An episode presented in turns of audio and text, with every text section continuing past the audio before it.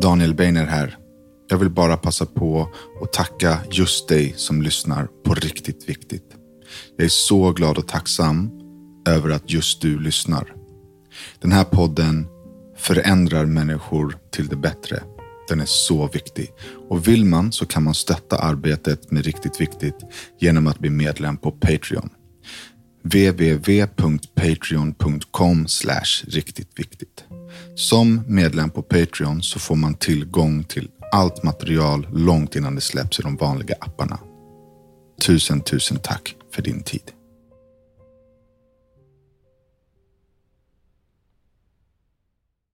Hej och välkomna till ännu ett avsnitt av podden Riktigt Viktigt.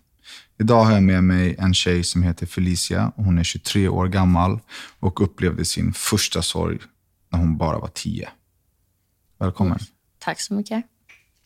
Jag följer dig på sociala medier på grund av ett engagemang eh, som du har som heter Tjejtaxi Stockholm. Eh, vi g- g- kan gå in på det lite senare, men basically så kör du runt tjejer för att de ska slippa vara rädda. liksom. Yes. Det är ju grymt. Alltså att du lägger din privata tid på, på det. Ja, jag känner lite, någon måste.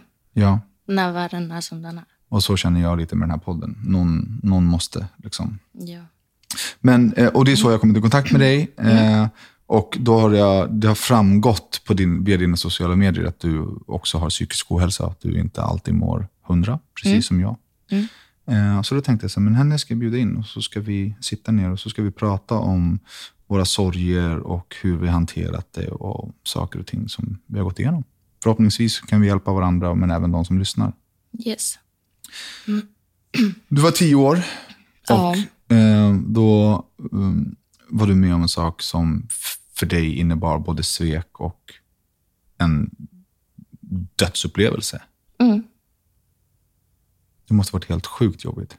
ja, det var det faktiskt. Vill du berätta? Yes. Ehm, jag hade varit hos en person som ehm, där och då hade ansvar. Hon skulle vara barnvakt åt mig. Mm. Ehm, sen eh, skulle vi gå och äta, trodde jag. Men ehm, personen i fråga skulle egentligen dit för att kräva pengar. För att hon hade fått sparken på den restaurangen. Okej. Mm. Så att hon ville ha liksom sin sista lön. Mer eller mindre. Eh, på vägen dit så eh, får hon väldigt ont i huvudet. Och, ja, men jag tänker så här, ja, men hon klagar. Men inte mer än så. Eh, sen när vi väl kommer till restaurangen så blir det bara värre och värre och värre. Eh, vi ringer ambulansen, men de vill inte komma för huvudvärk. Och sen går det ungefär tio minuter så vinglar hon iväg till toaletten. Och jag följer efter. Hur upplever du hennes sätt att vara? Arg. Hon är arg. Jättearg. Aggressiv och arg. Liksom. Mm. Och vad får du för känslor av det? Alltså jag vet ju hur hon är. Mm. Hon är ju lite så. Mm. Ehm, så att jag var lite så här, ja, och skitsamma. Mm. Lä- Låt henne vara Det var arg. ändå ganska normalt för dig. Mm, Ja. Eh, och sen på, eh, när vi närmar oss badrummet så eh, faller hon ihop på eh, toalettgolvet. Och från början, det enda jag kan tänka är så här, fan det stinker piss här och det är nerklottrat och det är äckligt och vi är på herrtoan. Mm. Och Ja, sen, du, ni hade kommit fel. Liksom. Mm. ja, det var det jag tänkte. Jag bara, alltså vi byter rum, det är herrtoa. Eh, och sen så säger hon bara, Felicia jag har tagit amfetamin. Okej. Mm. Och då springer jag ut till personalen och säger hon har tagit en överdos, ring ambulansen. Det är ändå eh, bra handlat när man är tio år gammal. Mm. Faktiskt. Men jag kände lite att eh, jag måste. Mm. Jag hade ju inte så mycket till val och där och då egentligen, jag visste inte vad överdos var. Var hon vid medvetande när du eh, och tillkallar hjälp? Mm, det var hon, men inte när jag kom tillbaka. Okej, så när du gick så var det en situation och när du kom tillbaka så var det en annan? Eh, och då låg hon där helt stilla. Hennes ögon var slutna. Jag sparkade henne, jag slog henne, alltså drog henne i håret. Jag gjorde allt jag kunde för att väcka henne. Lyste henne i ögonen. Ingen reaktion alls. Och vad hade du för känslor då? Var du arg? Var du rädd? Var du ledsen? Jag var arg. Jag kände inte så mycket att jag var ledsen eller rädd. Mm. Men jag kände mig Ever catch yourself eating the same flavorless dinner three days in a row? Dreaming of something better? Well, HelloFresh is your guilt free dream come true, baby. It's me, Gigi Palmer. Let's wake up those taste buds with hot, juicy pecan crusted chicken or garlic butter shrimp scampi. Mm. Hello Fresh. Stop dreaming of all the delicious possibilities and dig in at HelloFresh.com. Let's get this dinner party started.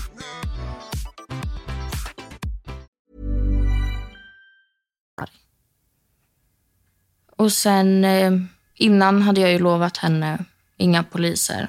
Mm. Men när ambulansen får ett fall om just droger och sånt, då kommer polisen automatiskt. Mm, såklart. Det är ju så det funkar. Så att eh, sen hörde jag att ambulansen kom och även poliserna. Och då drog jag. Jag försökte springa därifrån. För att du var... För att jag hade lovat henne. Inga poliser? Och då så kände du att du hade svikit henne, eller, Mm. Mer eller, eller var du mindre. rädd för poliserna? Nej, inte rädd. Jag hade ju aldrig kommit i kontakt med polis innan. Nej. Eh, så att jag kände mer att, okej men om hon nu klarar det här eh, och det har kommit poliser, kommer hon hamna i fängelse? Vad, vad kommer hända? Alltså, jag förstod ju inte så mycket. Nej. Men hon kommer ju förmodligen bli dömd för hon har narkotika och allt sånt där. Men, men, och tänkte du det istället för att oroa dig för om hon var död eller inte? Ja, faktiskt. För att jag var redan inställd på att hon var död. För att jag hade ju inte fått några reaktioner från henne. Nej. Och där och då så förstod ju inte jag mer än så. Och, mm. Men jag antar att du inte lyckades springa ifrån polisen när du var tio år gammal? Nej, polisen, ja han kanske tar fem steg och sen tog de mig på axeln och bara, hörru unga fröken, nu kommer du med oss. Ja. Och hur upplevde du din första kontakt med polisen? Mm, arg. Du var arg på dem också? Ja, för det är så här, Men var du snälla. mycket arg som barn eller var det liksom den här situationen som gjorde dig arg? Jag har varit väldigt arg under typ hela min uppväxt. Kanske inte när jag var mindre, alltså så, men däromkring när jag var typ 9, 10, därifrån så har jag varit väldigt arg. Och är du arg idag? Ja, ganska mycket. Mm. Oftast. Och vad är du arg på? Eh, jag tror att jag är, blir arg för att jag inte riktigt kan hantera mina känslor. Egentligen är jag inte arg, men det blir arg utåt. Har du något exempel på en sån situation? Alltså, inte vad jag kommer på så, men mycket i skolan så var ju jag väldigt arg. Jag skrek på folk, jag jagade folk med så här trasiga sopkvastar. Och och vad hade folk gjort? Ingenting. Så att du skulle nu kunna ta upp en sopkvast och börja jaga mig? Nej, inte nu. Men då. Då var det väl mer så här, om jag visar mig hård utåt, då kommer ingen komma åt mig. Mm, mm. Då kan ingen liksom komma åt mina känslor eller något sånt där. Mm. Men det är ju inte riktigt så. Alltså, lite så är det ju. Jo, men folk såg ju igenom det där väldigt mycket. Mm. Jag fick ju höra sen att folk hade gått runt och bara, "Ah, men hon kan ju inte må bra så som hon beter sig. Nej, men oftast är det ju så. Mm. Att man agerar i- irrationellt för att man har grejer i sitt bagage. Liksom. Ja, men precis. Vi pratade lite här i- innan om, om liksom flera situationer i ditt liv. För jag tror så här. Jag tror att man får så mycket som man klarar av. Mm. Tror jag. Eh, om jag ser till mig själv, då är det ganska, då, då är det ganska mycket som har landat på min tallrik. Liksom. Ehm, och det är ju okej, även om det är tufft. Mm. Men det är så sjukt viktigt att man går igenom i sig själv vilka grejer har format mig. Mm. Liksom. Eh, jag läste någonstans att du s- aldrig har känt dig lycklig. Mm. Eller att du har svårt att relatera till det. Och Det är ju en problematik som jag har. Jag, jag vet inte vad det är Nej. Mm. eller, eller hur det känns. Jag kan skratta, men eh, om det är det som är lycka, då är ju folk sjuka i huvudet. Ja, lite så. Alltså så här, aha, du, du var lycklig nu. Mm. För, för, ett, man drömmer ju om att få vara lycklig. Ja, Eller? Absolut. I, Ja, I alla gud, fall ja. Mm. jag. Men så, så vet jag inte vad det är. nej. Eller hur jag ska hantera det. Liksom. Mm. Men du nämnde att, eh, det- om jag inte missförstod det, så var det den här natten. Samma natt som det här hände så sk- åkte du till en annan person som skulle ta hand om dig. Mm. Nej, Eller va? nej eh, den här övergreppssituationen. Ja, nej. De satt det inte var, ihop? Nej, nej, Nej, nej. okej. Det var ungefär tio år senare. Det är ju nu. Mm. Det var för typ två år sedan. Okej. Mm. Eh, vi väntar lite med det, för jag tänker att det, det finns mer efter att du är tio år. Mm. Liksom. Vad hände efter den här situationen? Ehm, polisen lyckades ju få tag i mina föräldrars nummer. Mm. Ringde dem, berättade vad som hade hänt och eh, sen körde de hem mig. Mm. Och förklarade lite för mina föräldrar vad som hade hänt. Och Vi- sen tog Visste de- dina föräldrar om problematiken med narkotika och den här personen som hade ansvaret? Min mamma visste nog ingenting. Min pappa vet jag faktiskt inte. Jag tror att han har misstänkt. Men det är ingenting ni har pratat om? Nej. Okej. Ingenting. Men jag tror att han har vetat. Fick du någon på något sätt behandla den här situationen? Fick, Nej. kom du i kontakt med någon via myndigheten eller liksom erbjöd polisen dig något stöd i det här? För du ändå trott att din släkting dog framför dig. Liksom. Eh, nej. Nej. Ingenting. Eh, jag pratade lite med min mamma. Sen dagen efter så sa ju min pappa att eh, du får inte vara ledsen mer. Torka dina tårar, gå till stranden, gå Mm. och lek, gör någonting. Men sitt inte hemma och gråt. Var det alltid så när du var ledsen eller var det bara inför den här situationen? Det var väl där det började. Mm. Ehm, då kände jag att okej, men då får jag inte prata. Mm. Och sen har det väl blivit automatiskt. Alltså, jag alltid har tänkt så. Jag har ju sett att du är lite offentlig med hur du mår, men är, är du bekv... nu sitter ju du här i en podd som eh, gud vet hur många lyssnare vi kommer ha, men är du bekväm med att ventilera liksom, till vardags? Nej. Ehm, jag har ju pojkvän Mm. och innan jag skrev inlägget på min sida Mm. för första gången, då visste inte han. Nej, okej. Och då var min mamma så här, du, du måste prata med han. Mm. Du måste liksom berätta hur det ligger till. Och då så berättade jag, men annars är jag inte bekväm. Det är nu senare tid som jag har känt att så här, okej, men ska jag kunna må bättre, då måste jag ju kunna prata om det också. Men annars så har jag alltid varit väldigt, väldigt sluten. Jag kan ju känna att det är lättare för mig att dela med Instagram Mm. hur jag mår, än att sitta med en barndomspolare och berätta. Ja, det känner jag med. För då behöver man inte få... Man ser inte ansiktet Exakt. på personen. Man behöver inte ha den liksom, kontakten eller någon ska lägga en hand på axeln eller sånt Mm. där. Så jag tycker också att det är mycket lättare. Det är ju sorgligt ändå. Verk- Mm. Absolut. Mm. Alltså det är verkligen sorgligt. Ehm, Det som är positivt med det är ju att man delar hur man mår till folk som behöver eh, se att det är okej att må dåligt och så vidare. Mm. Men jag, om- jag la upp för någon dag sedan att- när, när jag grät, liksom, Mm. för att jag mådde så dåligt.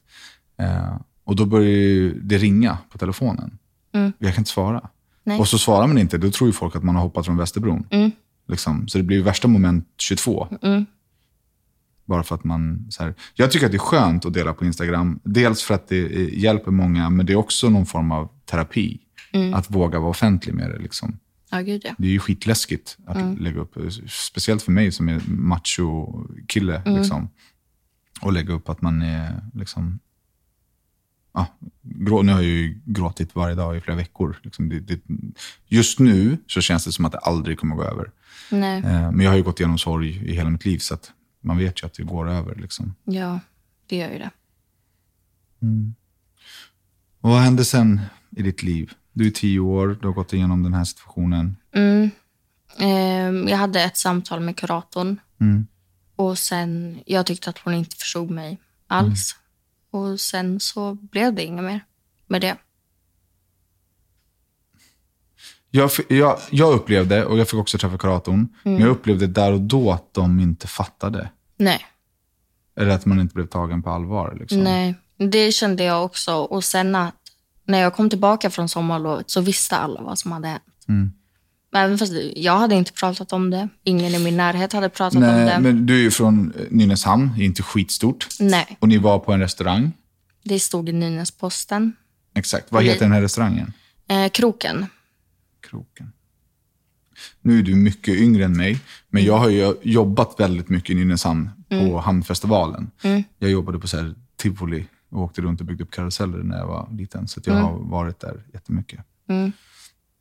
Okej, och hur var det då, att alla visste om den här grejen? Skämdes du över det här? Nej, eh, jag sa till alla att det inte var sant. Mhm. Jag förnekade det helt. Kanske för att du skämdes? Mycket möjligt. Att det var skamligt över liksom... Ja, men jag var väl mest kanske rädd att folk skulle vara så här, ja men hon är en pundare. Alltså, så att på något sätt tala illa om den personen. För det var ju fortfarande min största förebild i livet. Och den enda jag såg upp till. Hur är er relation idag? Eh, noll. Vi har ingen relation idag. Är det någonting som du vill dela? Alltså det har varit väldigt mycket mm, konflikter. Dels att hon började ett tag dricka väldigt mycket.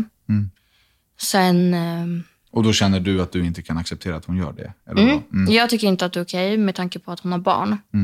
Eh, hon har eh, en dotter som är fyra Mm. och eh, en nyfödd precis. Eh, och jag tycker inte att det är okej. Ifall någonting händer, då ska man kunna ta sig till ett sjukhus Då, och då tänker nykter du, utan att SOS ska... mm. Men du tänker att, hon, att just hon, eller tänker du att inga föräldrar kan dricka? Absolut kan föräldrar dricka. Det bryr jag mig inte om, Mm. så länge det är sunt. Men det är inte sunt att eh, blanda en, några groggar varje kväll med whisky och vitt vin. Vad- ha- ja, Var ingredienserna i samma glas? Whisky och vitt vin? Ja. Och fy satan vad äckligt. Uff. Ja. Eh, och dricka några sådana glas varje kväll. Eh, samma, köra alkoholpåverkad med barn i bilen. Det är inte okej.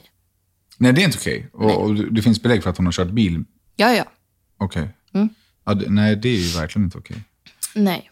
Eh, och när du konfronterar henne så blir, blir ni osams eller lyssnar hon? Eller, Nej. Ehm, vi blir osams. för att hon går i försvars... Hon tycker att jag bara pratar skit om henne och att jag inte förstår henne. Och, ja, men bara så här, du vill bara förstöra för mig. Klassiker. Och sen eh, hennes val av killar är missbrukare. De har- slåss och sådana där saker. Och när jag påpekar det också, att det kanske inte är jättesmart att skaffa barn med en sån människa. Med tanke på er historia, ni har gjort slut tidigare, ni har varit ifrån varandra. Och det har liksom varit lugnt då. Och sen gå tillbaka för att skaffa barn med den människan. Det är inte det bästa. Nej, det, det, det låter inte optimalt, men det är vuxna människor Mm, absolut. och det är väldigt svårt att... le- Alltså, det är väldigt känsligt när man ska gå in och peta i folks vuxna relationer Ja. och, och så här, tala om för vad man ska tycka om eller inte. och så där. Eh, jag, jag fattar att du gör det f- ur, ur rätt plats ur ditt hjärta, men det är ju väldigt svårt att nå fram. Jag vet. det. Det. är det. Eh, och eh, då tycker hon att jag bara vill förstöra och han har förändrat sig och han är på en bättre plats nu. Och allt det där. Men de har ändå gjort slut typ sex gånger under en månad. För att det inte funkar. Men då sa jag det att okej, men då behöver inte vi ha någon kontakt. För Så det var att- du som klippte. Ja, jag har klippt alla gångerna som vi har klippt. För att jag kan inte omringa mig med det. Det är lättare då att jag inte har med det alls att göra. Och hur, kän, hur känns det idag att inte ha kontakt med henne? Är det, någon- Jätteskönt. det är skönt? Ja, okej. ja, men då är det ju helt Jätte, rätt. jätteskönt. För det är ju bara störande. Jag klippte ju min mamma eh, och det var ju väldigt svårt. Men det var också skönt. Även om jag visste att hon mådde dåligt eller att det försiggick hemskheter i hennes liv Eh, för det spelade ingen roll vad jag gjorde. Det, det, det upphörde liksom inte. Utan jag fick bara ta del av det negativa. Eh, så det var också skönt. Liksom. Och nu har vi ju kontakt dock, eh, som, också, som är skön. Alltså situationen är förändrad. Men, men där och då, det var ju jättetufft att klippa. Alltså. Men det är det. Alltså, speciellt när det är familj. Ja. Men det enda jag har liksom tänkt är att eh, man väljer inte sin familj. Nej, Jag har inte valt att ha den här personen i mitt liv, men jag kan välja att inte ha den. Absolut. Eh, ja, nej, men jag brukar säga det att eh, man kan liksom inte ta ansvar för de vuxna i ens familj. Nej. Det är vuxna människor, de får ta ansvar för sig själva. Liksom. Mm. Eh, och vi som är barn till dem känner ju ett ansvar. Men det är väldigt viktigt för oss att liksom vända på det. Vi Mm. behöver ta hand om oss själva och våra kommande barn och vår framtid. Liksom. Ja, men precis.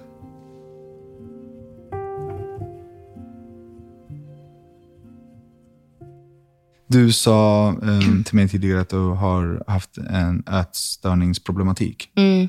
Det har jag haft under flera, flera år. Från? Från eh, Alltså hur gammal var du när du började? 12.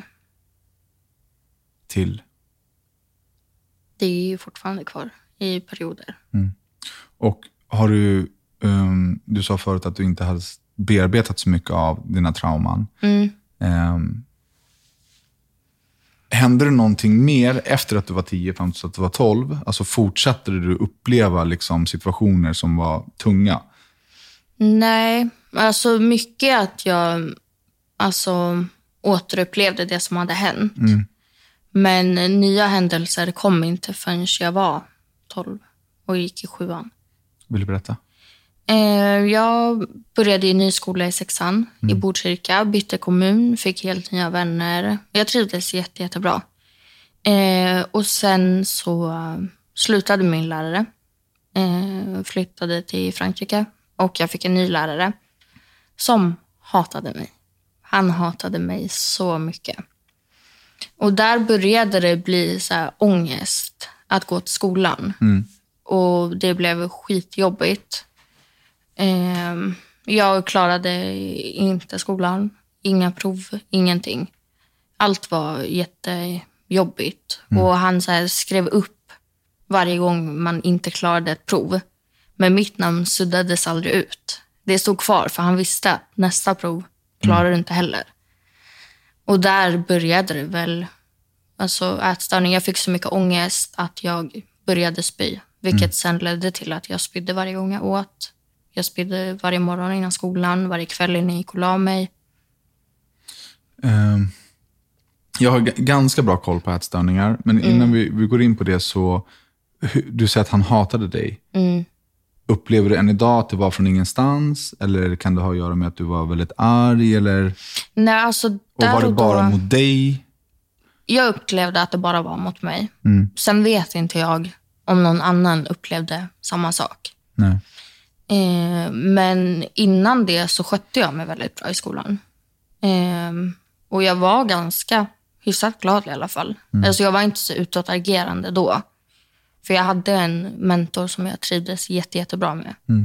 Och jag trivdes med mina vänner och allt sånt där. Men sen när han kom så började allt.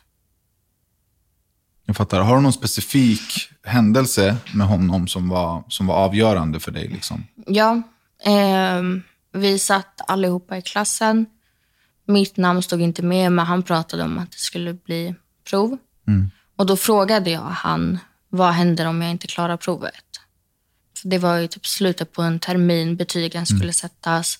Och Då sa han att den som inte klarar nästa prov förtjänar att bli våldtagen. Och vilket jag visste att det är jag. Jag kommer inte klara nästa prov. Och då så äh, brann min mamma. Det blev No möten. shit. Ja. Det blev möten med rektor och allt sånt där. Men det slutade med att han fick vara kvar.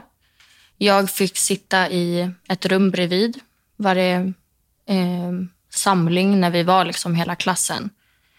Och jag behövde inte gå på hans lektioner. Men det blev ju att jag fick inte gå på någon annan lektion, som, alltså med en annan lärare. Så att det blev ju att de ämnena som han hade fick inte jag betyg i. Va? Hur reagerade resten av klassen? Skulle en lärare säga så idag så skulle det ju bli... Mm. Det hade ju blivit katastrof. Eh, Sa han det som ett skämt eller försökte han vara rolig? Eller? ja, jag tror det. Eller han fick det att låta som att det var roligt. Men jag tog det ju inte så. Och vad Det- jag det- vet fick jag ingen reaktion från någon annan heller. Det, det är ju så problematiskt formulerat. Eh, och att en människa som säger så till ett gäng barn, som ska vara deras liksom, utbildare, får behålla sitt jobb, är ju beyond liksom, den situationen vi sitter i idag med kvinnor och män. Här har vi liksom ett praktexempel på hur saker och ting har normaliserats redan för de här killarna i den här klassen. Där och då. Liksom. Ja, verkligen. Men eh, ja, ingen annan reagerade. Nej. Förutom jag som ringde min mamma direkt. Mm. Och hon ringde rektorn direkt och hon var där på ja, en halvtimme ungefär. Okej. Eh, och det resulterade i då att du inte klarade skolan? Ja, han hade ju mig i tre ämnen, Mm. tror jag. Tre eller fyra ämnen. Och jag fick ju inte gå på hans lektioner För, för rektorn eller för mamma? Eller? för rektorn. Så rektorn skyddade egentligen honom? Ja, det blir ju så. Ja. Och fick du någon, någon vikarie eller fick du någon annan lärare i de här ämnena? Nej, Nej. du fick bara inte. Fick Okej. hålltimmar. Och det re- resulterade i att du fick mycket ångest som sen föranledde att du triggade igång en ätstörning. Du kräktes utan att äta också. Var det för att du vill, liksom, vad ville du uppnå med det beteendet? Jag vet inte. Nej. Alltså för att jag har aldrig tänkt att jag är tjock. Jag har aldrig tänkt att jag vill gå ner i vikt. Jag har all- alltid kämpat för att gå upp i vikt. Men jag tror att det var någon ångest. Kändes Som- det bättre efter att du kräktes? Ja. Efter jag kräktes slutade jag må illa. Okej. Och då, då är det ju därför du kräks. Liksom. Jag hade en, en riktigt grov panikångestattack igår, igår kväll. Som all, den gick inte över. Alltså jag, har varit, jag har haft panikångest sedan jag var 15 kanske. Jag har verkligen blivit bra på att hantera det. Men igår kunde jag inte. Jag kunde inte stå emot. Och då fick jag också så här, jag bara shit, jag måste kräka. Jag kan inte andas. Jag måste kräkas för att få luft. Liksom. Så att det var som att det blir som en rening. Typ. Ja, men det blir så. Alltså, mm, jag kräktes det första jag gjorde på morgonen. Gick upp, kräktes, öppnade alla fönster i mitt rum så att det skulle vara iskallt. Så att det var det enda jag tänkte på, att det var kallt och inte på att jag mår dåligt eller jag ska snart gå till skolan. Bara att shit vad kallt. Pratade du med någon om det här? Eh, jag ringde BUP. Själv? Ja. Du har tagit mycket ansvar. Jag ringde BUP när jag var 12-13. Mm. När det började, ungefär, så ringde jag BUP och började gå där två dagar i veckan. Mm. Men ingen visste det. Inte mina föräldrar. Ingen.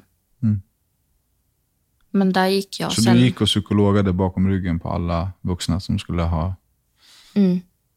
Och- Och, varför berättade du inte för din mamma eller pappa? Jag vet inte faktiskt. Jag tänkte typ så här, men det här är ju min skit. Jag kan klara det Okej. själv. Men kände du på något sätt att de inte skulle backa dig i det? Alltså var du Nej. rädd för att dela det? Nej. Nej. Jag tänkte alltid att de skulle liksom ändå finnas där. Det låter ändå som att eh, du har haft en bra relation med din mamma. Jättefin. Det har ni fortfarande. Ja.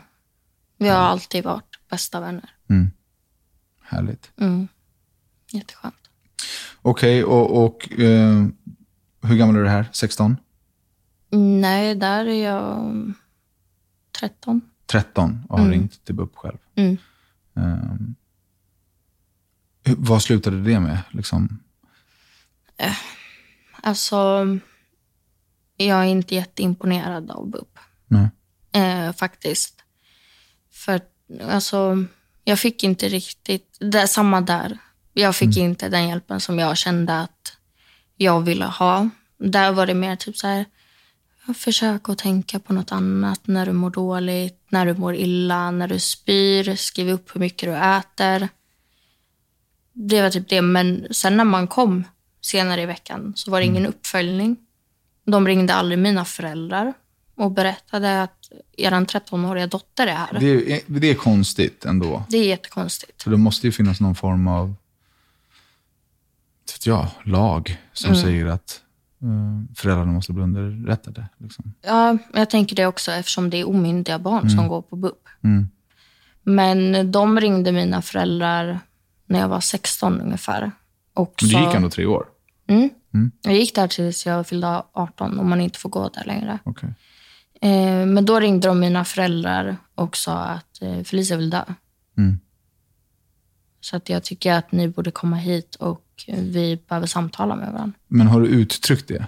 Mm. Att du vill det? Mm. Mm. I en form av att du eh, inte vill leva eller en form av att du vill dö? För det tycker jag är två olika Ja. saker. Ehm, jag vill inte ta mitt liv, Nej, men jag har inget nöje här. nej. Lite så kände jag då. Lite fortfarande.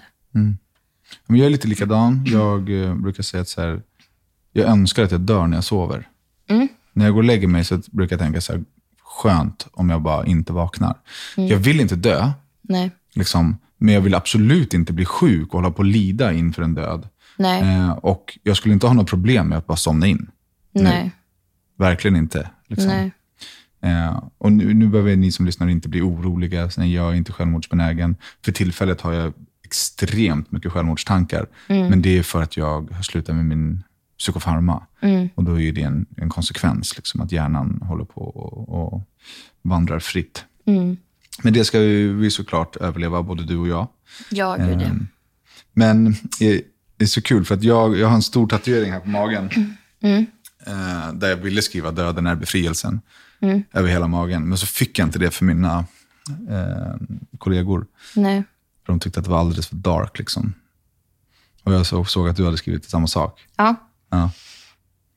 Men jag tänker det. Alltså folk blir så arga när jag säger det. Att jag inte vill leva och att jag ser döden som en befrielse. Och då blir jag äntligen fri från det här. Mm. Men vill du verkligen inte leva? Alltså, jag vet inte. Det Vill du inte är... må bra? Alltså, Jo, det är klart att jag vill må bra. Men Jag det tror att känns det- så långt bort. jag tror att du vill leva. Mm. Och jag tror att du vill må bra. Men det skulle vara enklare att inte göra det. Det är ju den lättaste utvägen. Mm. Men samtidigt också, hade jag verkligen velat dö, Det är det jag menar. då hade jag ju varit Ja, men död. det är det jag menar. Det är därför mm. jag ifrågasätter det när du säger att Ja. du inte vill leva. För att n- om jag kommer till att jag inte vill leva, då, då sitter jag i en ny situation där jag behöver... Liksom, Men jag, ja, jag kanske vill leva, men jag tänker alltid att det skulle vara skönt att Mm. dö. Jag tänker ju alltid typ så här, vad- undrar vad som händer om jag kör in i det här trädet. Eller vad händer om jag kör in i den här betongsugan? Jag har Mm. en det- lastbil framför mig full med sten. Ska jag bara ligga bakom och hoppas att det trillar ner? Förhoppningsvis så kommer du bara få jävligt ont och liksom Ja. ångra dig. Eh, men jag tror, trots att jag står för att jag liksom, det skulle vara skönt att bara liksom, somna in, så tror jag att om någon, om, från och med nu, så här, då, när du somnar en natt, då är det sista gången. Då tror jag inte att man skulle vara lika sugen på det. Nej. Mycket när det, blir, möjligt. Mm. när det blir konkret. Liksom. Det är lätt att tänka de tankarna. Och jag tycker det är ganska skönt att, att jag är bekväm med att tänka den tanken. Mm. Eh, men skulle man få det, så här, okej, men fine, all right. Mm. Vi kör, det här är sista, din sista kväll. Då skulle man ju inte gå och lägga sig. Nej, förmodligen inte. How would you like to look five years younger? In a clinical study, people that had volume added with Juvederm Voluma XC in the cheeks perceived themselves as looking five years younger at six months after treatment. Look younger, feel like you. Add volume for lift and contour in the cheeks with Juvederm Voluma XC. Reverse signs of aging by adding volume to smooth laugh lines with Juvederm Volure XC. For important safety information and to find a licensed specialist, visit juvederm.com. That's J U V E D E R M.com. Not for people with severe allergic reactions, allergies to lidocaine, or the proteins used in Juvederm. Common side effects include injection site redness, swelling, pain, tenderness, firmness, lumps, bumps, bruising, discoloration, or itching. There's a risk of unintentional injection into a blood vessel, which can cause vision abnormalities, blindness, stroke, temporary scabs, or scarring. Talk to a licensed specialist to find out if it's right for you. I'm Sandra, and I'm just the professional your small business was looking for. But you didn't hire me because you didn't use LinkedIn jobs. LinkedIn has professionals you can't find anywhere else, including those who aren't actively looking for a new job but might be open to the perfect role, like me. In a given month, over 70% of LinkedIn users don't visit other leading job sites. So if you're not looking on LinkedIn, you'll miss out on great candidates like Sandra. Start hiring professionals like a professional. Post your free job on linkedin.com/people slash people today. Det är sjukt ändå hur liksom hjärnan fungerar. Men det är ju så, man vet ju aldrig. Alltså, Nej, det, är klart. kan ju hända när som. Ja, såklart. Och, och jag menar, livet händer ju. Jag, är ju liksom började, jag började må dåligt ja, tidigt, alltså. Sju, kanske. Ehm, och jag har aldrig liksom mått bra. Nej. Och nu är jag 40 och då är jag så här, kom igen. Alltså, när, när ska jag må bra? Och jag har till och med tvivlat på att jag mår dåligt. Det är så här, aha, shit, jag kanske mår som alla andra. Bara att jag gnäller. Liksom. Det, det vet man ju inte. Nej, Man såklart. har ju bara sig själv att liksom utgå ifrån. Mm. Jag kan ju bara relatera till vad jag känner. Liksom. Men åter till dig och eh, de här ätstörningarna. Mm. Ätstörningar är ju ett samhällsproblem. Lika, Ja, Mm. gud, lika så ångest och panikångest. Det är väldigt tabubelagt att prata om ätstörningar. Mm. Det är väldigt svårt för någon som inte har koll på det att sätta sig in Mm. i vad det är. Ja. Men det är ju ett tvångsbeteende. ja, Liksom. Eh, som ofta grundar sig i någon form av självkänsla. Eh, jag har haft ätstörda människor runt omkring mig. Jag blir ganska lätt ätstörd själv när jag håller på med min träning och kostupplägg och sådär. Eh, och det är ju verk, man blir verkligen knäpp av det. Alltså verkligen. Liksom. Och du sa att du än idag eh, kan få slängar av det här. Hur, vad är det som triggar dig? Alltså, gör du någon självanalys? mycket typ så här, inför nya saker. Mm. Eh, då kan det bli så. Ehm, men ibland så kommer det bara. Med nya saker som ett nytt jobb eller komma hit och spela in en podd? Nej, eller? inte att jag kommer hit. Men jag började i nytt jobb i måndags. Mm, kul, grattis. Tack. Eh, sen dess kanske jag har ätit tre måltider. Och du äter lite också? Ja, alltså när jag mår så här, då kan inte jag äta. Nej. Jag mår jätteilla. Och då blir det så att då kan jag inte äta. Men jag känner samtidigt ingen hunger heller. Men har du ätit idag eller ljög du när du kom hit? För det första jag frågade var om du hade ätit. Eh, jag ljög. Du ljög? Mm. Okej. Och det är jättefint att du liksom bröstar det nu. Ja, För det är en del av processen. ja. Men ehm, desto mer man liksom börjar komma in i det nya så försvinner det. Och då kan det gå från ena dagen till den andra. Jag är ju svinhungrig och då äter jag. Utan att kräkas. Ja. Ja, kräkas gör jag inte så mycket längre. Sista gången jag gjorde det, det var för ungefär ett år sedan. Och det är bra, du går åt rätt håll. Absolut. Har du sökt hjälp för det här? Eh, ja, det var ju därför jag började gå på BUP från första början. Okej. Och sen för ungefär två år sedan så fick jag antidepressiva som heter Mitrazapin, som är aptithöjande. Och då gick jag upp ungefär 15 kilo på två månader. Hur hungrig blev du? Jätte, jättehungrig. Njöt du av maten då? Eller blev det som en sjukdom, alltså, att du bara åt allt? Liksom? Ja, jag åt allt. Alltså nästan varje sekund jag var vaken så hade jag någonting i munnen. Liksom. Jag ville bara äta och äta, men jag tyckte det var jätteskönt. Jag sa, "Gud, fan vad jag har saknat att äta. Så att Och- jag mådde jättebra av det. Mm, jag fattar. Och du äter dem fortfarande? Nej. Hur var det att sluta? Eh, jag märkte faktiskt inte av eh, någonting när jag slutade med dem. Jag slutade tvärt, Okej. bara så. För det är det jag har gjort nu. Mm. Jag, eh, jag slängde ju mina tabletter. Eh, Det är by far det värsta jag gjort. Mm. Det som jag går igenom nu. Mm. Eh, och, och jag kommer i kontakt med mina känslor på ett nytt sätt som jag aldrig har varit medveten om. Mm. Så jag är rätt säker på att när jag kommer ur det här så kommer jag må bättre. För jag har en helt ny relation till Mm. att må dåligt. Liksom. Ja. Ja, gud ja. Det tror jag. Eh, Men utsättningen kan ju ta 6-12 månader, säger de. Så att jag, har ju, jag är inne på vecka fem. Mm. Liksom. Ja, det är ett helvete med det där med antidepressiva. Jag började med Citralin. Mm, det var det jag käkade. Eh, och eh, efter två veckor, när jag inte kunde äta, jag kunde inte gå upp ur sängen, jag Mm. kunde inte göra någonting. Mina pupiller, alltså, det såg ut som jag hade tagit liksom allt som går att få tag i. Mm. Då var jag så här, nej, jag vägrar. Var det eh, bara för några veckor sedan? Nej, det var för två år sedan ungefär. För jag såg på din Instagram här för ett tag sedan att du var så här, jag har Ja, varit för jag under isen. har liksom typ tre kartonger som bara ligger. Som jag säger, vill någon ha det så det är bara att ta. Mm, nej, men jag såg på din Instagram, eh, eh, du kommer inte ge medicin till någon. Nej, nej det kommer jag absolut Nej. inte göra. Nej. Eh, De ligger kvar hemma i min låda. nej, men så här, jag såg att du la upp så att du har le- varit under isen. Så här, jag har inte Mm. engagerat mig i sociala medier, jag har inte mått så bra. Liksom. Och därför jag relaterade, för det Mm. var typ två veckor som du var... Men det hade inte med det nej.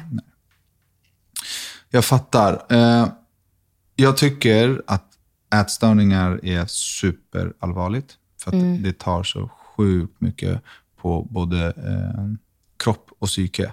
Ja, det är vidrigt. Det, det går inte att ha en psykisk hälsa samtidigt som man har en ätstörning. Nej. Eh, och är det någon som är osäker på om de har ätstörningar, Mm.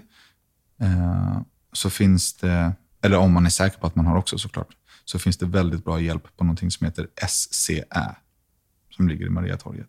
Mm. S- S som är Stefan, C som är Cesar och Ä som är Ät.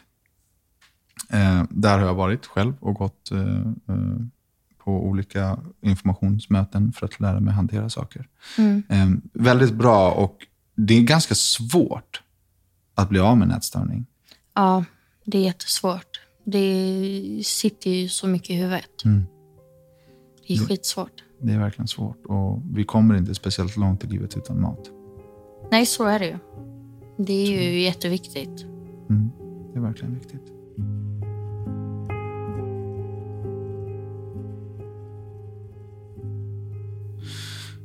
För två år sedan Mm. så var du med om en grej som är väldigt aktuell just nu. Ja. Eh, och Det är en, en av anledningarna till att jag sitter här idag och jag har det här engagemanget som jag har i mäns våld mot kvinnor. Mm. är för att jag insåg att, det, att män inte fattar allvaret. Nej. Liksom. Eh, och jag har varit en av de männen. Mm. Jag har också bagatelliserat. Så, ah, så vad fan är grejen? Liksom.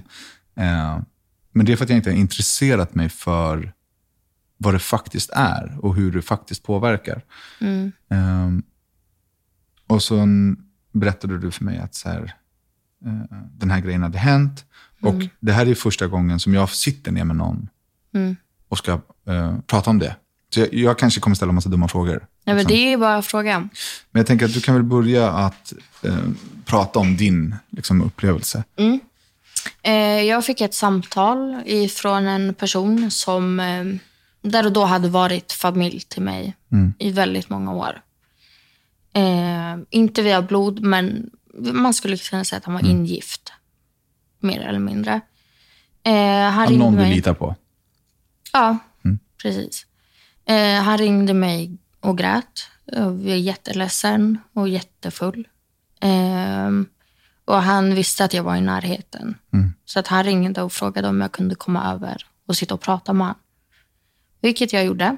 Hur kändes det samtalet? Kände du så här, att det är en självklarhet eller kände du att det var samvetet? Så här, men fan, jag måste åka dit. Mm. Jag är så här, vi har alltid varit familj. Vi kommer alltid vara familj. Vem är jag om jag inte åker dit? Det är självklart att jag Mm. Ja, det ställer var en upp. självklarhet. Liksom. Mm. Ja, ja, jag tvekade inte ens. Jag var där på fem minuter. Eh, så åker jag dit och han sitter i vardagsrummet och gråter och gråter och gråter och spyr och spyr och spyr, för han var jättefull.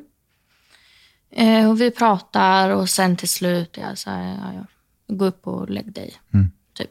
Och sen så han bara, men kan du följa med upp? Bara se så att jag somnar liksom. Och så gjorde jag det. Så att jag satt liksom bredvid han i sängen med alla mina kläder och allting. Och sen till slut så somnade jag också. Eh, och han börjar så här, ta lite på mig, pussa mig på kinden, lägga sig i sked. Och då så sa jag flera gånger, så här, jag vill inte, det här känns inte rätt, vi är familj, alltså man gör inte så här. Och sen så var det lugnt ett tag, han somnade om, jag somnade. Men Och du så- låg ändå... Alltså, du blev inte... Blev du otrygg eller kände du dig trygg och så här, men han är bara full, han är bara väck? eller vad Ja, var jag din kände känsla, mig liksom? trygg. Ja. Ehm, annars hade jag ju aldrig varit kvar Nej, det är det jag menar, förhoppningsvis. Mm. e- e- eftersom att du sov kvar. Eller liksom var kvar. Men du hade en sån pass tajt relation till han att eh, du kunde känna dig trygg trots att han Mm. hade gjort... eh, Liksom, Ja, alltså vi var jätte, jättenära. Mm. Så för mig så, alltså det var ju nytt. Det där hade aldrig hänt. Mm. Men samtidigt så vet jag att hur han kan bli på fyllan. Alltså, det är ju ingen ursäkt. nej, Mm. det, det är, det någonting är som ingen vi, ursäkt. Nej, men det är någonting som vi liksom kan passa på och, och belysa här. att det, det är så vanligt man hör det. Mm. Du vet hur jag blir på fyllan. Ja, alltså, fan. Men det är ingen ursäkt till att bete sig som ett arsle. men det är ingen ursäkt till någonting. Nej. Då ska du aldrig mer vara full. Nej, nej men Liksom. precis. Lite så. Eh, och sen så vaknar jag liksom av att hans hand är innanför mina byxor, Mm. innanför mina trosor och liksom på väg upp. Mm. Och då reste jag mig upp, skrek och drog. Då hade han, alltså, du sa att ehm, han var på väg upp. Hans hand var på väg upp. I mig. Okej, ja. Jag trodde att han var på väg upp. ur- Mm. Nej, nej. Mm. Alltså att han typ drog bort den för att du vaknade. Liksom. Nej, nej. den var på väg in i mig. Okej. Eh, jag fattar s- såklart nu att det är helt liksom, fucked up, Mm. den grejen. Men hur, hur hanterade du det? Alltså vad hände i ditt huvud? Ehm, Jag var mest chockad. Jag visste inte riktigt vad jag skulle göra eller riktigt vad som hade hänt. Nej. Jag kände ju bara på mig att det här är fel. Ehm, Jag eh, gick därifrån väldigt fort, tog mina saker, åkte iväg och spydde och sen åkte hem. Kände du dig utsatt för ett övergrepp? Mm. Det gjorde du? Mm. Och nej, jag, eh, jag liksom försöker inte förminska någonting. Jag försöker bara ta reda på Ja. liksom den, den känslan. När man blir utsatt eh, för något av någon som man litar på så eh, har kroppen en, eller hjärnan en förmåga att förminska det. Mm. Så här, ja, men han var, var bara full eller så här, eh, jag pratar med han imorgon, det, det här kan inte hända igen. Mm. Liksom. Men du k- gick direkt till att så här, det där var ett övergrepp. Mm. Liksom. ja, jag tyckte absolut inte att det Nej. kändes okej eller bra eller oavsett fylla, vad fan som helst, så var det liksom över alla gränser. Och hur hanterade du det? Ehm, jag, eh, från början så sa jag inte till någon. Jag berättade för min mamma direkt. Men sen så... Fan, vilken fin relation ändå till din mamma. Jättefin. Eh, men sen så pratade jag inte så mycket om det. Jag fick ett sms av han dagen efter. Att han inte ångrar någonting. Hade han fått chansen så hade han gjort det igen. Och att det vad- skulle vad- vara... vad- vad- eh, du fick ett sms av han. Mm. Dan. Du har inte pratat med han? Eh, vi hade inte kontakt på nästan ett år. Nej, men alltså, du gick därifrån eh, och sen dagen efter så får du ett sms från han. Du har inte haft kontakt med han däremellan. Nej, nej. Så det första han gör är att han hör av sig till dig och säger att han inte ångrar sig. Det är ju verkligen magstarkt alltså. Mm. Nej, men han skrev att han ångrar sig inte. Hade han fått chansen hade han gjort det igen. Och att det var alkoholen som hjälpte han att liksom, ta första steget. Och att han har inte berättat det för någon. Skulle någon fråga så har jag bara varit där tills han somnade. Eh. Oj, det, det, det är väldigt mycket i det här. Tror du att han är medveten om att han utförde ett övergrepp? Nej, Men jag fick berättade det för honom. Ja. Tr- tror du att han är kapabel till övergrepp? Ja, Det tror du? det tror jag. Okej. Jag, jag försöker bara sätta mig in i hans hjärna när han vaknar. Det är så här, okej hon var här, eh, det är inte min tjej, vi har aldrig haft sex förut. Jag tog på henne, hon gick. Men jag skulle göra om det för jag är skön. Eller så här, vad händer? Eller är han så här, försöker han liksom få dig att tycka att det var lugnt genom att prata med dig som att det är, är lugnt och att han faktiskt vill... Jag, jag, liksom, Jag vet inte. Alltså, han förklarade ju i det här smset också att han har haft ögonen för mig i flera år. Mm. Och när jag började träffa han, han blev tillsammans med en person som stod med mig väldigt nära. Mm. Eh, en familjemedlem till mig. Och då var jag 13 Mm. när de blev tillsammans. och var de tillsammans när det hände? Nej, Nej, okej. de hade precis gjort slut. Det var därför han ringde mig och grät. Mm, Okej. eh, till er som eh, lyssnar eh, på den här podden via Acast eller någon annan plattform så finns det en film till eh, hela den här podden på Patreon. Och där så kan man se de här smsen som han har skickat. Eh, Och hur, vad var din reaktion på hans sms? Vad hände? Eh, bl- blev du arg? Blev du äcklad? Liksom, Eh, jag blev arg. Eh, jätte, jättearg. Och typ så här, hur, kan, hur fan kan du inte förstå att det du har gjort är fel? Ehm, så att jag skrev till han och sa att det här är olagligt, det du har utsatt mig för. Det här är inte okej någonstans. Du utnyttjade situationen, att du visste att jag skulle komma hem till dig för att trösta dig för att vi är familj. Men istället tog du den chansen till att göra en sån här sak. Eh, Så då sa jag det, att jag vill inte se dig igen. Jag vill aldrig mer prata med dig igen. Och jag vill inte ha någonting med dig att göra. och vad svarade han på det? Att ehm, han fick ångest över mitt svar. Att han inte visste att det var fel. Att han trodde att jag kände samma sak för honom som han gjorde för mig. Det är ju spännande ändå eftersom att du gick därifrån. Verkligen. Eh, det skulle vara så jävla intressant att prata med honom. Alltså ur det här perspektivet. Att- Så här, okej, men hur tänkte du på riktigt? Liksom.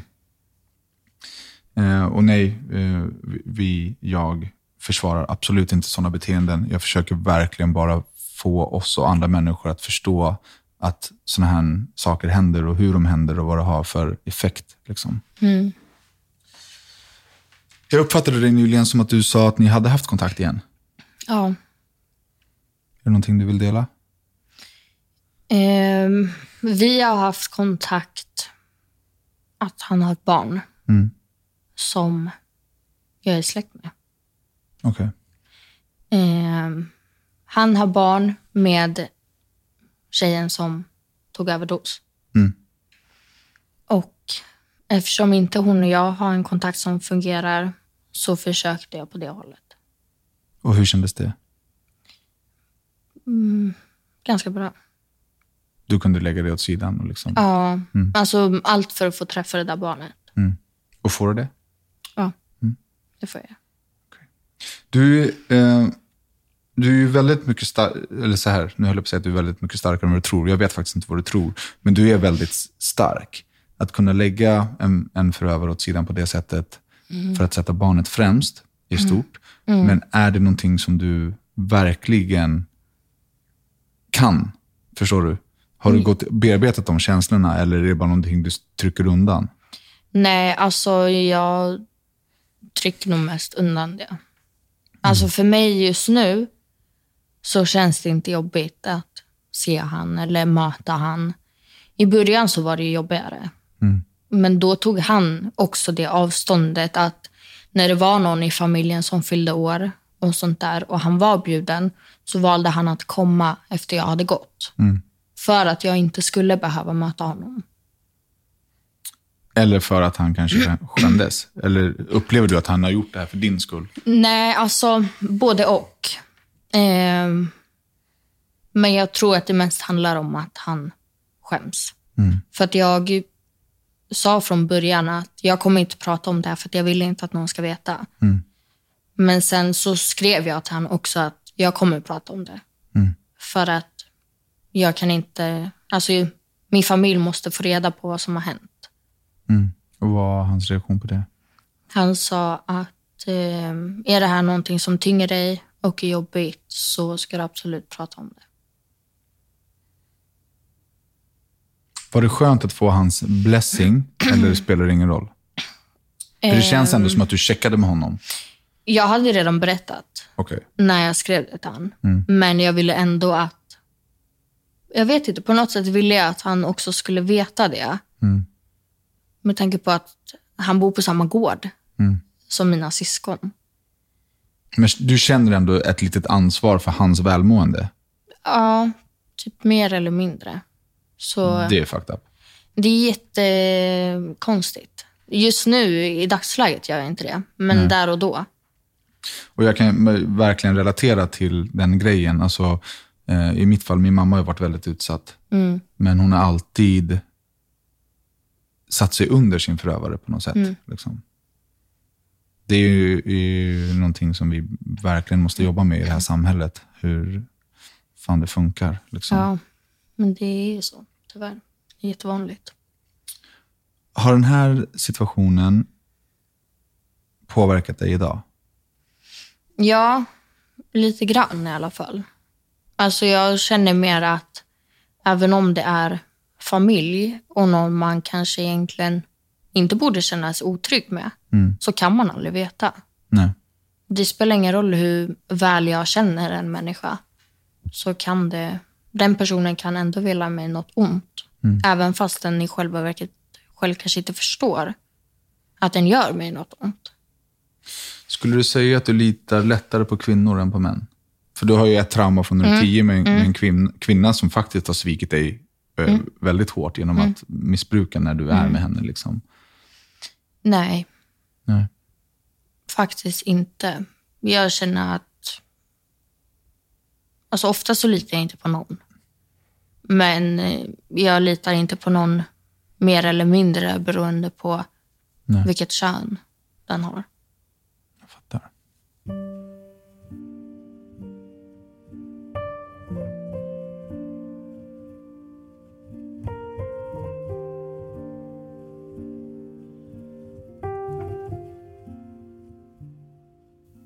Din relation till droger. Du sa eh, tidigare att så här, det var bra för dig för att då tog du ett beslut att du aldrig skulle ha med det att göra. Men sen har du även sagt till mig att du själv har försökt att ta en överdos. Ja, eh, jag har tagit en överdos av eh, sömntabletter, Vilka sömntabletter? eh, Imovan. Eh, som egentligen inte var avsiktlig. Men jag minns att jag tog två sömntabletter. Och sen minns inte jag mer. Nej. Men jag hade fått i mig en hel karta. Och eh, vad var din plan då? Eh, planen var att jag skulle sova. Alltså jag har alltid haft, eller i flera år, sömnproblem och haft jättesvårt för sömnen. Eh, och då köpte jag Imovan. Eh, Vart då? svart. Mm. Eh, för att testa liksom. Och jag hade tagit kvällen innan en tablett och det hade funkat jättebra. Och sen låg jag och vände och vred på mig, kunde inte somna så jag tog två. Och sen minns inte jag. Men du, Någonting mer. Vad var du i för känsla? Var du i en destruktiv känsla Nej, alltså. redan innan? Liksom? Nej. Jag mådde ju ganska dåligt, Mm. men inga tankar liksom på att jag vill dö eller att jag ville att någonting skulle hända. Och vad, är, vad, vad händer i ditt nästa medvetande? Liksom? Eh, nästa medvetande är att eh, ambulans och polis försöker väcka mig. Vem har ringt? Mitt ex ringde. Okej. För han hittade mig medvetslös hemma hos honom. Och vad är proceduren då? Blir man magpumpad eller? Mm. Nej, de eh, körde in motgift i mig. och eh, körde mig till eh, Sankt, nej, inte Sankt Göran, eh, psykakuten Mm. på Danderyd. Från Nynäs? I Danderyd? då, eller Nej, så? jag var då hos eh, min dåvarande pojkvän Ah, i okej. Kallhäll. Ja, jag fattar. Och hur har det... Nu, du säger att det här inte var ett, me, ett medvetet val eh, som jag kan ha svårt att, att köpa. Eh, man, man smäller inte i sig en hel karta i Movan Nej, eh, om man inte har någon form av agenda med det. Liksom. Sen kan det ju vara så att de tankarna uppkom efter två och att du sen har minnesförlust. Liksom. Du hade inga planer på det innan. nej, alltså inte vad jag kommer ihåg. Nej. Ehm, sen vet inte jag. Alltså som sagt, jag minns inte. Är det någonting du har eh, tagit efter, efteråt? Nej, Fler sömntabletter? Eller? Nej. aldrig. Nej. Det var liksom sista gången. Ja, eh, de eh, skrev ut sömntabletter till mig Mm. där och då. Hur kände du dagen efter? Alltså när du vaknade, kvicknar till och bara så här, shit, jag tog en överdos igår. Ehm, alltså, jag minns inte så mycket från dagen efter. Jag vet att jag hamnade på sjukhuset. På något sätt kom jag hem till min dåvarande pojkvän. Mm. Eh, och då hade sjukhuset ringt min mamma. Eh, och jag åkte sen från han till stan, vilket jag inte minns. Vilket också är obehagligt för att jag körde bil dit. Mm. Eh, satt på Espresso House i stan med mamma och bröt ihop. Och då var tankarna mest... Dels att jag hade utsatt han för det som jag själv hade blivit utsatt. Mm. Som jag själv tyckte var jättejobbigt då. Men också att jag hade kunnat... Jag tänkte så här, tänk om mina föräldrar hade förlorat sitt barn. Tänk om Mm. Ja, mina du började syskon... ta ansvar för Ja, andra igen. Mm. människor. Ja. Ehm, så att jag var väldigt förstörd i två veckor ungefär. Mådde väldigt, väldigt dåligt. Jag fattar. Fan vad hemskt. Vi är ju såklart öv- överlyckliga över att det gick så pass bra som det gjorde ändå. Eh, och jag vill inte att någon ska liksom ha ska misstolka det här med döden är befrielsen som vi säger. Eh, Nej. Det är inte en dödslängtan, Nej, men jag kan också känna att det är en befrielse. ja verkligen. När, när, eh, jag, jag har ingen aning om hur dina eh, cykler i psykisk ohälsa går. Nej. Men när du... Har, har du jag antar att du har dippar, liksom, precis Ja, som jag. ja, Mm. Ja. Hur, hur gör du då? Alltså, vad gör du när du mår dåligt? Hur hanterar du det? Eftersom att jag upplever som att du inte söker speciellt mycket professionell hjälp. Nej, inte längre. Ehm, innan så gjorde jag ju det. Mm. Jag slutade gå hos psykolog för lite mindre än ett år sedan. Mm. Ehm, men oftast så um, brukar jag ringa min mamma. Mm. Eh, säga att eh, jag mår piss, kan vi kolla på film? Mm. Eller så ligger jag hemma och bara är. Gråter du eller blir du Nej. apatisk? Så kolla, Nej, kolla jag- väggen. Liksom. Ja, Mm. mer så. Och sen så går det ju ut över alla i min närhet. Hur då? Jag blir arg. Jättelätt irriterad, grinig. Ja. Och är det någonting du känner att du skulle vilja jobba med? ja, verkligen. Ehm, för att jag tycker så synd om de i min närhet. Att de behöver... Det hade ju varit så mycket lättare om jag hade sagt vet du vad, jag mår skit, jag är jätteledsen. Än att jag ska gå runt och vara arg på alla och otrevlig. Och, det tar ju också jättemycket. Ja, Att det, det, jätte- Mm. det tar väldigt mycket av dig själv. Eh, men det är också en grej som kommer kosta dig relationer du inte Mm. vill ska försvinna. Det, det, har, det har jag fått lära mig den hårda vägen. Mm. Jag, blir, jag är väldigt negativ alltså, överlag. Mm. Och inte så att jag kanske är nödvändigtvis otrevlig, men så här, "Åh, ska vi prova den här restaurangen? Aldrig i Mm. livet. Alltså, varför skulle vi göra det? Liksom. Jag är, det blir inte så, vad heter det, Mm. exotiskt med mig, utan what you see is what you get. Liksom. Mm. Ehm, och det eh, är ju 100% spunnet ur min ångest. Mm. 100%. Liksom. Men det är din mamma som är din... Det, det är det som du gör när du mår dåligt. Du har inga så här, att du går ut och promenerar eller att du ventilerar. Mm. Nej, alltså, eller, Det finns ett ställe i Nynäshamn som heter Ringvägen. Ehm, och Och det är en enkelriktad väg som går lite upp och ner och fram och tillbaka vid vattnet. Mm. Där brukar jag åka. Du kör bil. Ja. Och då brukar jag åka dit och stanna till och typ gå ner till vattnet och sen gå tillbaka. Men Du bor i Nynäshamn nu. Mm. Jag fullkomligt älskar Nynäshamn. Ja, jag hatar skiten. Nej, varför då? För att det Det- finns ingenting. Men vad, vad, vad Det- vill du ska finnas? Jag vet inte. Alltså det är helt öde. Och det händer ingenting. Det är mycket äckliga djur. Äckliga djur? Vadå för djur? Det finns ju hur mycket, Älgar. Ja, så mycket fint vilt finns det i Nynäshamn. Ja. Och jag har inte sett en enda jägare typ. Jo, oh, men det finns massor. Men varför ser du äckliga djur? Men jag tycker de är... Är du djurofob? Nej. Eller ja, kanske. Jag gillar typ bara katter. Mm. Men eh, alltså älgar är min största rädsla i hela livet.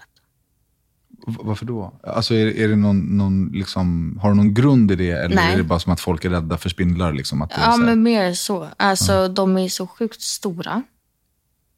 Alltså, de är jätte, jättestora. Det är ju en monsterhäst. ja, de är stora. De är sjukt stora. De är överallt. Nej, jag vet inte. Bor du i hus? Ja. Med mamma eller bor du själv? Nej, jag bor med pappa. Okej. Eh, men då kör du mycket bil och jag tänkte, eh, anledningen till att du ens är här, det är för att du startat upp det här projektet Tjejtaxi Stockholm. Berätta lite om det. Ehm, ja, jag eh, kör runt tjejer på kvällar och helger som eh, inte vågar åka kommunalt eller vanlig taxi eller som inte vill. Hur kommer det sig att du drog igång den grejen? Jag låg hemma en natt och tänkte så jag bara, vad fan ska jag göra? Vårt samhälle är skit. Mm. Jag hade läst så mycket tjejer som blev förföljda hem och överfallna och mycket sånt där. Så jag bara, men kan jag göra någonting så gör jag det. Mm. Och då tänkte jag, så här, vad kan jag göra? Mm. Jag gör ändå ingenting och då kan jag lika gärna köra folk. Mom deserves the best, and there's no better place to shop for Mother's Day than Whole Foods Market. They're your destination for unbeatable savings, from premium gifts to show-stopping flowers and irresistible desserts. Start by saving 33% with Prime on all body care and candles. Then get a 15-stem bunch of tulips for just $9.99 each with Prime. Round out Mom's menu with festive rosé, irresistible berry chantilly cake, and more special treats. Come celebrate Mother's Day at Whole Foods Market. Hold up. What was that? Boring. No flavor. That was as bad as those leftovers you ate all week. Kiki Palmer here, and it's time to say hello to something fresh and guilt-free. Hello Fresh. Jazz up dinner with pecan-crusted chicken or garlic butter shrimp scampi. Now that's music to my mouth. Hello Fresh. Let's get this dinner party started. Discover all the delicious possibilities at hellofresh.com.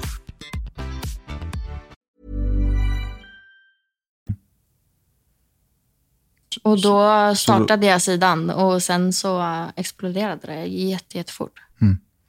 Och vad, hur, hur ser en kväll ut? Liksom, hur mycket tid lägger du på det här? Ehm, nu så har jag ju tagit en liten paus. Ehm, men innan så körde jag ungefär från fyra på eftermiddagarna till ungefär 05-06 på morgonen. Helt liksom, eh, ideellt, alltså utan pengar, eller hur funkar det? Nej, ehm, man betalar en liten summa för bensinen. Mm. Men eh, inte mer än så. Jag tar billigare priser. Jag eh, går in på Uber och kollar deras priser och försöker alltid lägga mig i alla fall 100-200 kronor mindre. Då är det billigt, för att Uber kan man ju åka för typ 50 spänn. Ja, Det blir minus 50 kronor om du ska ta 100 kronor mindre. Och Det här gör du helt själv. Har du inte fått något förslag om att det folk vill liksom börja... och Liksom, ha- har du så att du skulle kunna ha fler chaufförer? eh, ja. det är många som har skrivit och frågat. Mm. Eh, dock har jag varit lite nervös Mm. typ inför det, för att jag vet inte vilka de är. Och med tan- alltså jag vill inte tro illa om någonting, men med tanke på hur det ser ut så kan man aldrig vara säker. Nej. Eh, för om folk är så här, "Ja, men eh, skulle jag kunna köra lite ikväll? Jag har ingenting att göra typ. Och då är jag oftast nej. Jag har sagt nej till alla Mm. hittills. Och sagt att skulle jag behöva i framtiden så kan jag höra av mig. Men då åker du från Nynäs in till Storstockholm och kör folk. Liksom. Ja, Bara det är ju en, en och en halv timmes resväg fram och tillbaka till Nynäs. men det är kul. Mm, jävla engagemang ändå. Det är fint. Ja. Och eh, om man vill eh, eh, komma i kontakt med dig eller åka med dig, då Mm. är det på Instagram snabbla tjejtaxi understreck Stockholm. Yes. Och du hade en paus nu. Mm. Det här kommer i och för sig släppas långt fram, så att, Mm. eh, då har du antagligen ingen paus längre. Nej. Har du, inte. Har du någonting att, att säga till folk som eh, kanske mår dåligt eller varit med om liknande situationer? Att eh, prata. Mm. Prata, prata, prata, prata. Det finns alltid hjälp. Mm. Eh, även fast det inte känns så. Och man är inte svag bara för att man mår dåligt. Jag känner mig ju svag. när Ja, men jag det mår är jag dåligt. med. Men jag vet att det inte är det. Men känslan är ändå där. Tror du att det eh, känns... Känner du en skam när du är ledsen? Mm, ibland. För jag gör Det är verkligen lite det. till och från. Jag känner en skam över min sorg. Liksom. Mm. Vilket är supersorgligt i sig. Ja, men det är ju det. Mm. Alltså, för det är inget skamligt med att må dåligt. Alla kommer ju förmodligen hamna där Mm. en dag.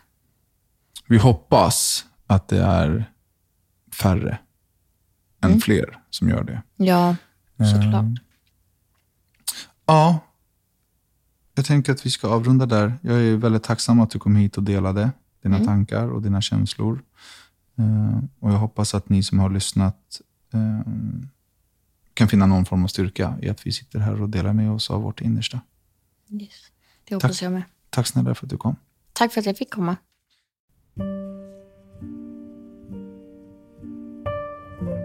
Daniel Beiner här. Jag vill bara passa på att tacka just dig som lyssnar på Riktigt Viktigt. Jag är så glad och tacksam över att just du lyssnar.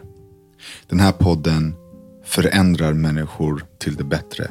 Den är så viktig. Och vill man så kan man stötta arbetet med Riktigt Viktigt genom att bli medlem på Patreon. www.patreon.com riktigt viktigt. Som medlem på Patreon så får man tillgång till allt material långt innan det släpps i de vanliga apparna. Tusen, tusen tack för din tid.